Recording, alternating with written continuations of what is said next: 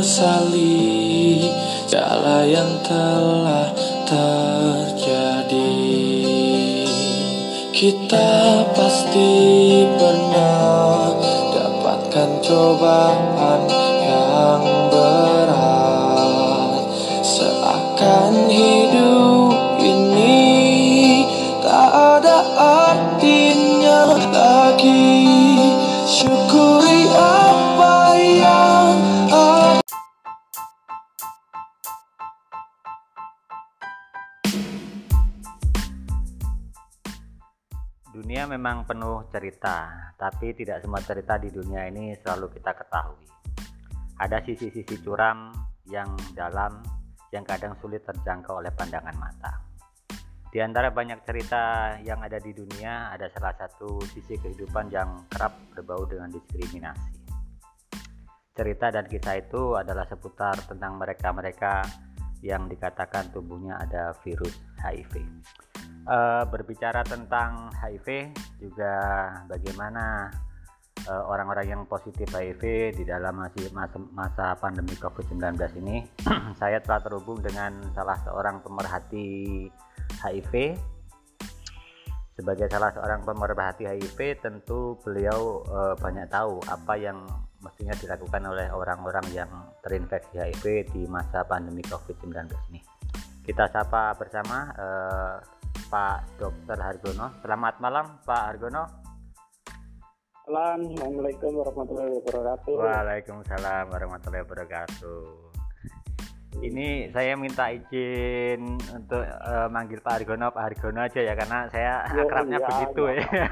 Iya, oh, oh. Saya kalau dipanggil lain lain kok gak, gak nyaman. Oh iya. Eh, jadi malam ini saya ingin bincang-bincang sebentar Pak Har tentang eh, eh, setahu saya kan Pak Hargono ini kan sebagai salah satu pemerhati HIV di Indonesia dan kita Iya. ketahui saat ini di Indonesia juga sedang dilanda oleh pandemi COVID-19. Nah, saya ingin Iya. bincang-bincang tentang seputar itu Pak Har. Oh iya, monggo silakan. Eh, sekarang kan ini Pak Har ya, eh, pemerintah itu lagi gencar-gencarnya untuk vaksinasi Pak Har ya. Nah, Iya. itu eh, orang-orang yang positif HIV itu kira-kira boleh nggak Pak Har untuk divaksinasi itu? Ya. Eh, menurut informasi dari Kementerian Kesehatan itu sebetulnya tidak ada masalah apa pun bagi teman-teman yang HIV positif itu untuk vaksinasi karena sebetulnya nah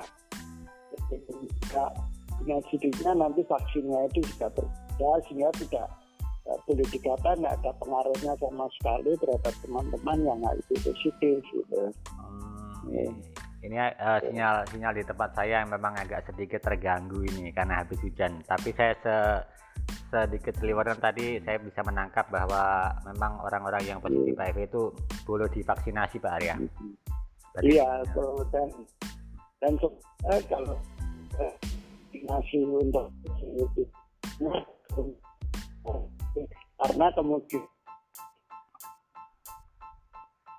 daya tahan terhadap COVID. Hmm, ya ya ya ya. ya, ya. Eh, lalu eh, kadang-kadang kan gini Pak Arya, eh, orang-orang yang positif eh, HIV itu kan kadang-kadang mereka eh, takut akan status yang disandang Pak Arya. Ya. Nah, eh, apakah ini akan menjadi sebuah pertanyaan oleh petugas kesehatan ketika vaksinasi itu dilakukan Pak Arya? Hmm, secara umum sebetulnya tidak karena eh, petugas kesehatan memvaksinasi itu hanya mencari informasi gangguan-gangguan apabila divaksinasi itu nanti akan uh, muncul gangguan itu ya. Uh, misalkan pada kalau penyakit yang kronis yang misalkan penyakit degeneratif ya, hipertensi penyakit jantung hal-hal seperti itu ya itu dikhawatirkan karena itu merupakan komorbid oh, di iya. COVID ya jadi dikhawatirkan nanti kalau dengan uh, vaksinasi itu nanti akan mempengaruhi kondisi dari uh, yang divaksin. Kalau mereka itu mempunyai penyakit-penyakit komorbid itu. Nah di luar itu itu sebetulnya tidak apa-apa. Jadi nanti pada waktu akan divaksinasi itu nanti akan diwawancara dulu oleh uh, dokternya yang uh, di situ diperiksa dan diwawancara diperiksa itu kemudian tekanan darahnya, kadar kolesterolnya, kadar gulanya, ya. hmm, iya, iya. Nah, terus juga kemudian ditanya apakah ada keluhan-keluhan yang berkaitan dengan penyakit-penyakit komorbid itu tadi. Oh, ya. berarti itu ya Pak Ria. Berarti uh, ya. ketika orang yang punya status HIV itu uh, tidak usah takut dia akan ditanya apakah ya. apakah dia terinfeksi sesuatu atau bagaimana hmm. itu tidak jadi syarat untuk sebuah vaksinasi Pak Ria. Iya. Di hmm. pada pertanyaan yang saya akan saya juga sudah vaksinasi. Jadi oh. pada waktu vaksinasi itu hal-hal yang berkaitan dengan HIV itu tidak ditanyakan karena tidak ada pengaruhnya. Oh iya iya iya. Hmm. Kalau misalnya itu Pak Har, untuk konsumsi misalnya kan uh, setahu saya kan orang-orang yang positif HIV itu setiap hari konsumsi obat Har. Ya. Apakah uh, konsumsi obat ini juga akan ditanyakan ketika vaksinasi? Ya, konsumsi obat itu juga nanti berkaitan dengan penyakit-penyakit komorbid itu tadi. Oh. Ya, iya, ya apakah konsumsi anu apa uh, obat anti diabetes mungkin apa konsumsi obat anti hipertensi dan lain sebagainya. Jadi yang uh, yang ditanyakan itu sebetulnya berkaitan dengan seperti itu. Karena kadang-kadang teman-teman itu yang tidak punya komorbid tetapi mereka mengkonsumsi air secara dikiranya bahwa obat yang ditanyakan untuk uh, apa dikonsumsi secara rutin itu nanti berkaitan juga sama ARV. Oh iya. Mungkin uh, tapi pun sebetulnya kalaupun uh, teman-teman itu yang konsumsi ARV rutin itu bilang itu sebetulnya juga tidak apa-apa karena oh. dokternya juga nanti ya karena terus sangat bahwa informasi itu itu tidak akan keluar iya iya, iya. jadi bahwa eh, kalau seandainya bahwa teman itu bilang bahwa oh ya saya konsumsi ARV sudah sekian lama atau itu pun juga hanya menjadi catatan di situ karena atau apa HIV tidak ada pengaruhnya dengan vaksinasi COVID. Gitu. Uh, nah, jadi, uh, jadi sebetulnya teman-teman tidak usah risau kalau ada mau ditanya seperti itu. Iya, iya. Misalnya begini, Pak. Kalau misalnya uh, ini misal ya, saya juga tidak tahu misal. Misalnya dalam ya. ketika akan dilakukan vaksinasi itu uh, ditanya minum obat atau minum obat tertentu apa enggak. Itu kira-kira uh, harus di, harus memang harus dijawab atau kalaupun tidak jawab tidak apa-apa?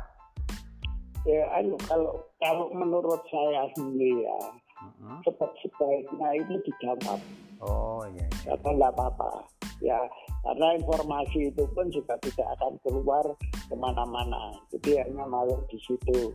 Ya jadi hanya karena mungkin di di record sendiri sebetulnya eh, apa konsumsi obat yang ARV itu tidak ada sebetulnya. Jadi ada paling hanya sekedar catatan di statusnya itu. Oh, nah lo teman terserah teman-teman mau terbuka atau tidak nggak masalah. Karena terus terang eh, apa konsumsi ARV rutin itu nanti tidak akan berpengaruh terhadap eh, dampak dari vaksinasi. Oh ya, ya, ya. ya. Dari dari dua pertanyaan ini, eh, ini perlu didengar teman-teman, khususnya ya teman-teman yang uh, sudah dikatakan positif HIV bahwa orang yang positif HIV itu boleh divaksin itu yang pertama ya catatan uh, catatan saya dari pembicara obrolan malam ini uh, yang kedua adalah uh, kalaupun saat vaksinasi nanti kita ditanya tentang apakah minum obat tertentu obat tertentu atau tidak itu pun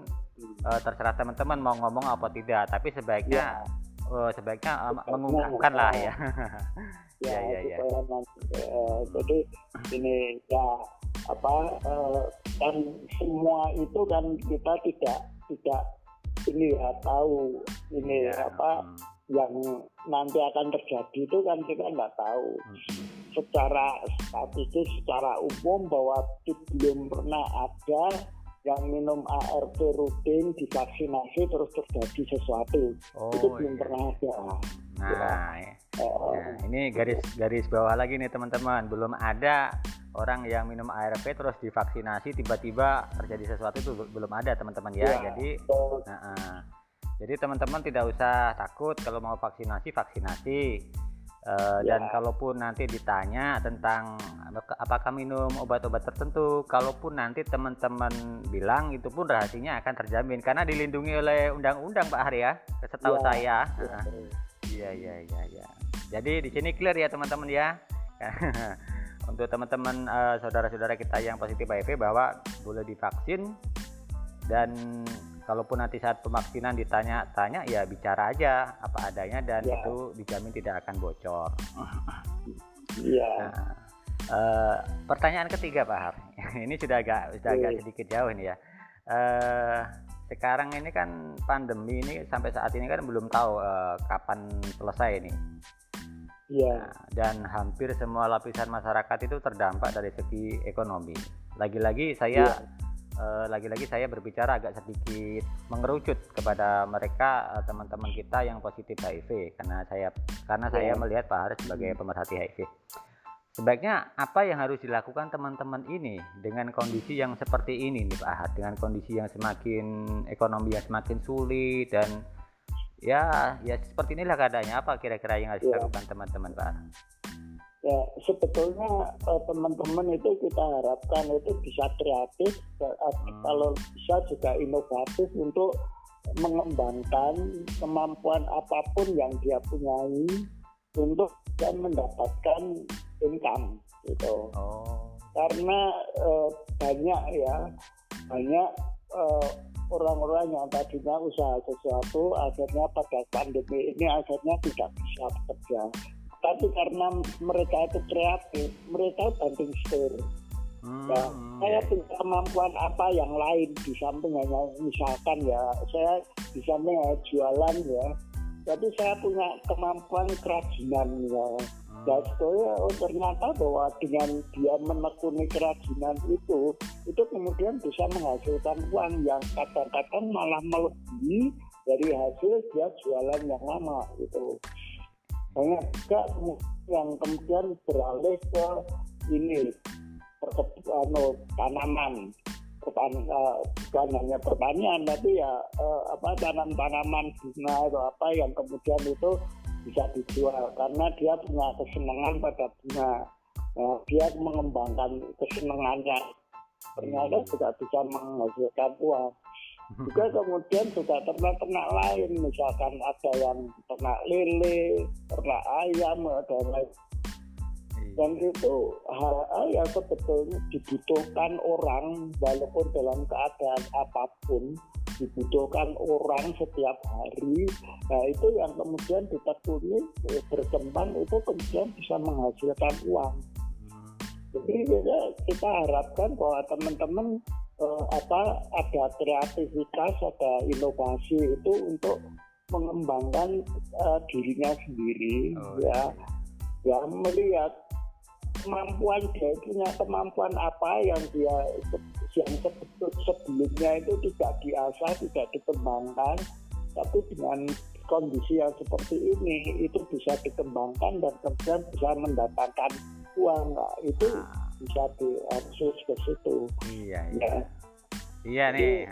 Jangan hanya anu terpaku pada oh saya dulu saya dulu jualan bisa saya hanya jualan belum tentu itu kan banyak anu orang merasa bahwa oh bisa saya hanya juara karena pekerjaan mereka sehari-hari karena itu gitu. Hmm. Tetapi sebetulnya bahwa kemampuan seseorang itu sebetulnya banyak, tidak hanya pada satu bidang. Nah kalau bidang satu itu tidak bisa dikembangkan, kenapa tidak yang bidang yang lain? Iya. Gitu, kan gitu. Iya, iya. Eh, nah, Nah, ini teman-teman. itu satu. Nah, ini teman-teman Iya, ini yang- sangat luar biasa ini apa yang dikatakan Pak Ya. Hargono ini. Saat dalam pandemi masa Covid-19 ini kita harus mampu Hmm. membuat sebuah terobosan, juga harus mampu Betul. menggali potensi diri yang terpendam ini. Iya. Menurut saya seperti itu, Pak ya. Ya. Oh, Iya, ya. iya, iya, iya. Uh, yang kedua, nah kita kan sama-sama senasib sepenanggungan. Mm, mm, mm. Uh, kenapa kita tidak bekerja sama gitu? Jadi Iya. bahwa dalam hal ini bahwa kerjasama yang saling menguntungkan. Oh, yang sini punya kemampuan untuk memasarkan, yang sini punya kemampuan untuk produksi, yang ini punya kemampuan untuk apa manajemen. Nah, kenapa uh, kita tidak atau bekerja sama untuk bisa mengembangkan itu menjadi satu usaha yang kemudian nanti bisa berkembang, bisa untuk kehidupan selanjutnya gitu. Iya.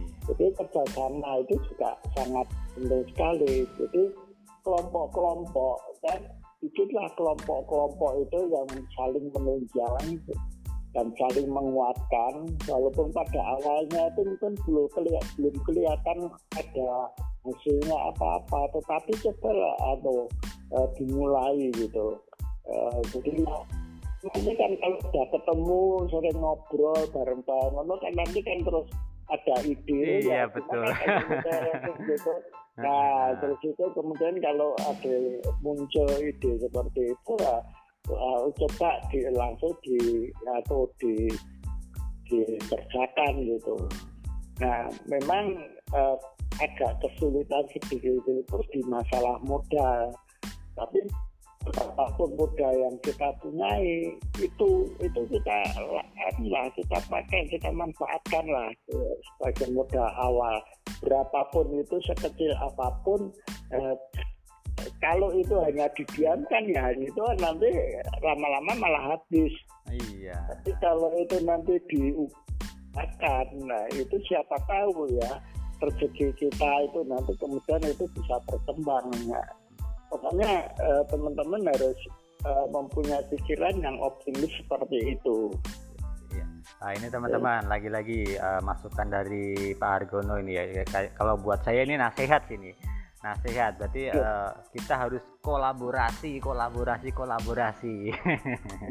iya Eh, ini Pak Har, saya sedikit ada pertanyaan terkait tentang modal Pak.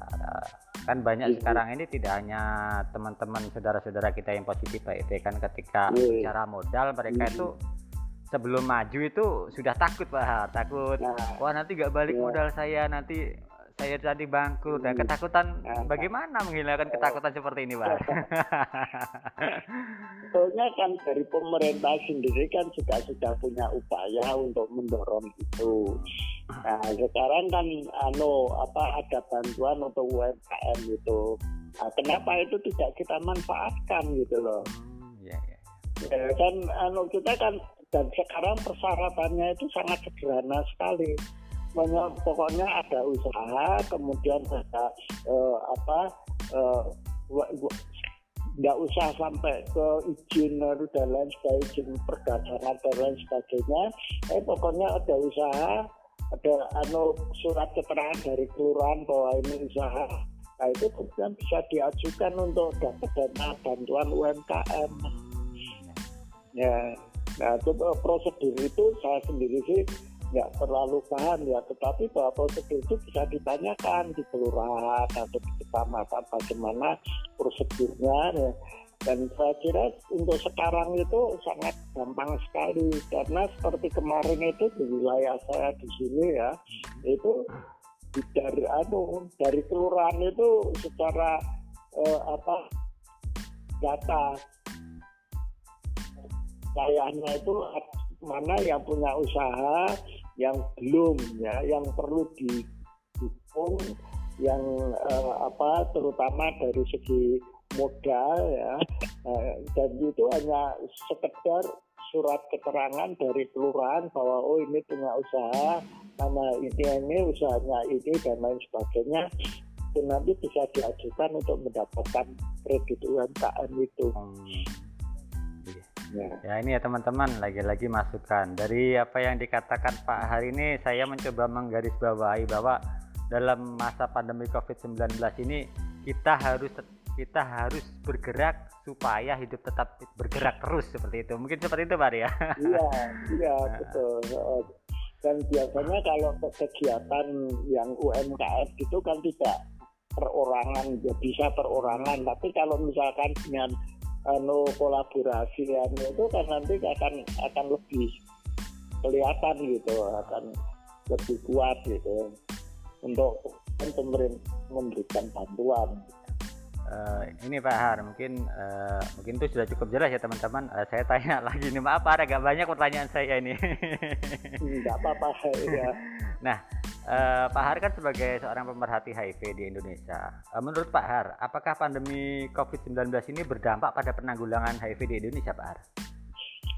Nah, ini uh, secara secara mendetail karena saya tidak punya link dengan uh, pusat itu hmm. saya tidak terlalu secara detail saya tidak tahu tetapi bahwa melihat selama ini tidak ada keluhan dari teman-teman dalam hal misalkan akses ART dan lain sebagainya itu saya melihatnya bahwa tetap program itu itu akan tetap berjalan dan hmm. tidak hanya itu saja program-program yang lain itu juga tetap berjalan ya memang ada pelambatan gitu pelambatan oh, iya. ya karena ya, sekarang pemerintah kan lagi fokus ke covid ah, betul, tetapi betul. bahwa uh, tapi bahwa uh, nanti kemudian terhenti saya kira tidak karena kalau misalkan program-program yang lain itu ter itu nanti juga berat bagi pemerintah untuk memulai lagi. Hmm, ya, ya. Iya berarti tanda ya. kutip uh, program ini tetap berjalan meskipun agak agak tersendat gitu Pak Hari ya. ya uh, jadi kayak misalkan dulu ada tes viral load yang gratis ya mungkin sekarang itu mungkin agak tadinya enam bulan sekali sekarang mungkin akan agak lebih lama mungkin satu tahun baru ada lagi. Tetapi bahwa selama ini untuk distribusi dan atau ART itu saya kira kok saya dari uh, apa uh, cerita teman-teman di berbagai daerah itu kok tidak ada masalah gitu. Iya. mereka tidak ada yang mengeluh gitu. Kalau misalkan ART terlambat atau apa gitu kok enggak nah ini lagi teman-teman uh, perlu kita iya. garis bawain lagi bahwa pemerintah ini meskipun sedang fokus-fokusnya ke pandemi COVID-19 tapi permasalahan HIV ini iya. tidak juga tidak di apa ya tidak dilupakan. Ya. Kita tetap ya. di iya. apa ya? Kita tetap di rumah lah ibarat kata seperti itu. Iya. oh,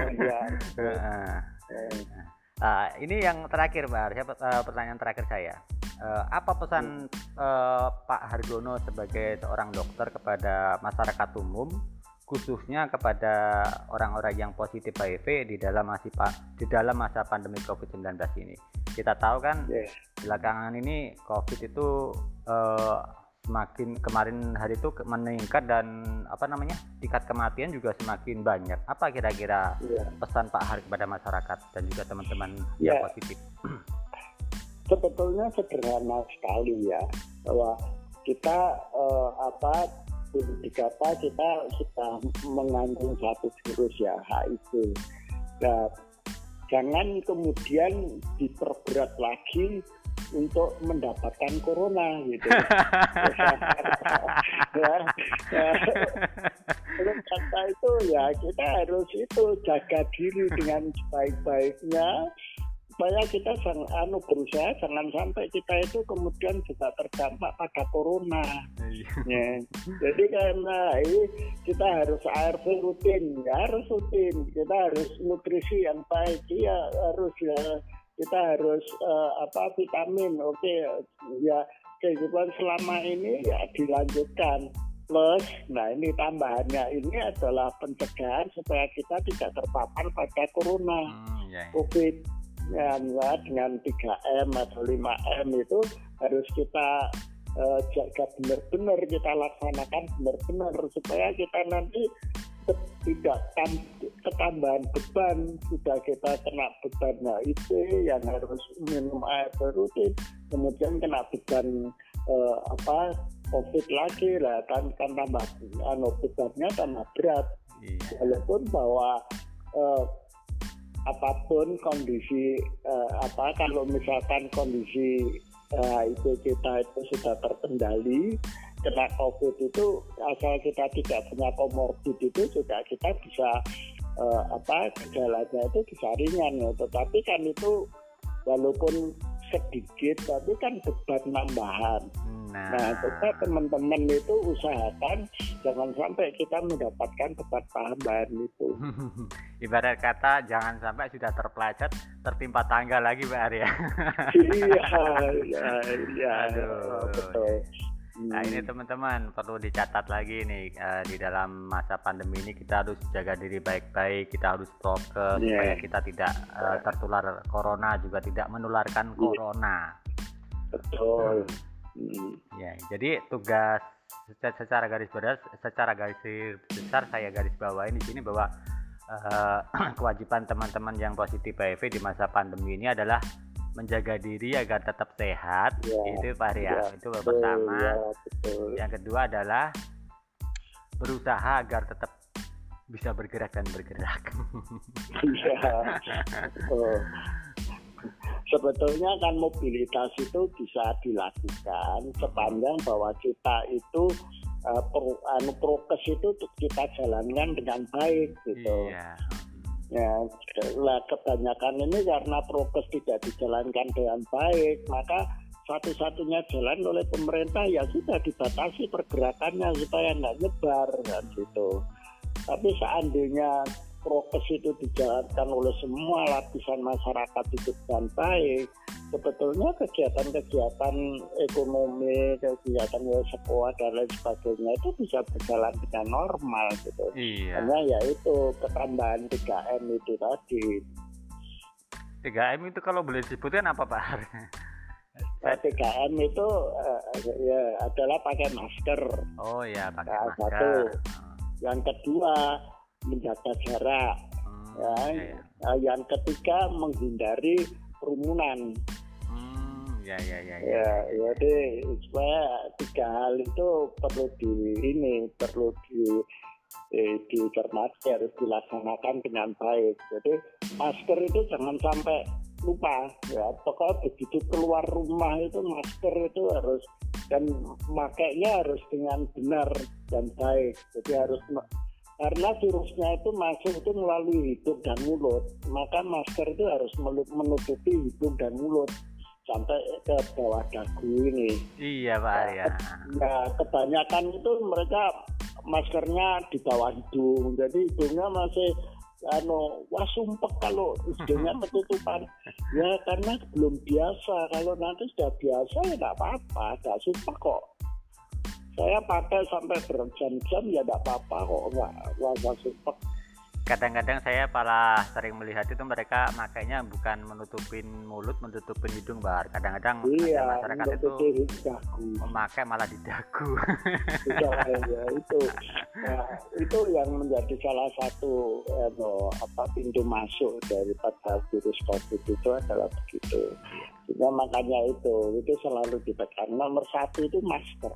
Masker. Ya masker itu pakai yang baik dan benar itu ya, karena kalau masker sebetulnya kalau kita ada teman ya dua-duanya pakai masker. Itu kalau salah satunya itu uh, apa uh, punya covid itu potensi untuk menular itu sudah kecil sekali kecil di bawah satu ya. persen. Iya, asal memakai maskernya dengan baik dan benar. Maskernya sudah masker yang benar gitu ya, bukan hanya masker yang asal-asalan itu. Kalau masker yang itu pori-porinya itu lebih kecil dari pori-pori virus, jadi bisa nyaring virus. Nah, ini teman-teman, satu lagi dari nasihat dari Pak Hari nih, jangan lupa pakai masker, jangan lupa apa tadi menjauhi Menjaga kerum jarak. menjaga jarak dan menjauhi kerumunan. Ini kerumunan. khususnya untuk teman-teman yang atau sahabat-sahabat kita yang positif HIV ya. Nah, Ya. Nah, ini pe- perbincangan yang sangat menarik Pak Har. Dari sini saya menggarisbawahi bahwa orang HIV itu boleh divaksin itu yang pertama. Kalaupun Ya. nanti ditanya tentang status HIV dan obat bisa dijawab juga bisa tidak. Itu Ya, yang kedua. Terus yang ketiga tentang ekonomi khususnya teman-teman eh, yang positif HIV dalam pandemi ini kita harus bisa menggali potensi dan membuat terobosan-terobosan baru. Iya. luar biasa, luar biasa. ya, mungkin eh, hanya itu Pak Har yang ingin saya bincang-bincangkan karena ini untuk apa ya? Karena saya melihat Pak Hari sebagai salah satu pemerhati dan sesepuh lah dalam isu HIV di Indonesia ini. Ini eh, topik khusus saya, eh, topik saya buat khusus untuk teman-teman yang positif HIV dan masyarakat umum pada Oh. umumnya.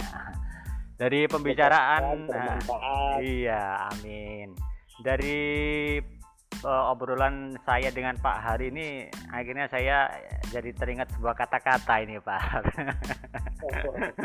Iya, jadi saya ingat sebuah kata-kata bahwa yang yang mampu bertahan dalam sebuah situasi itu bukanlah orang yang hebat, bukan orang yang pintar, bukan ya orang yang kaya.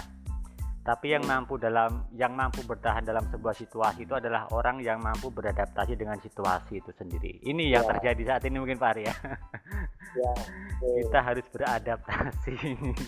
Hmm. Iya. Terima kasih Pak Har untuk ngobrol-ngobrolnya.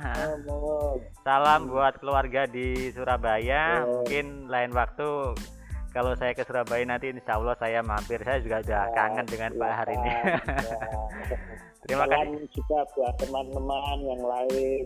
Siap Pak Har. Nanti insya- nanti akan saya sampaikan. Terima kasih Pak Arya. Semoga senantiasa Iya. sehat dan dalam lindungan Tuhan Yang Maha Esa. Amin. Assalamualaikum Amin. warahmatullahi wabarakatuh. Waalaikumsalam warahmatullahi wabarakatuh.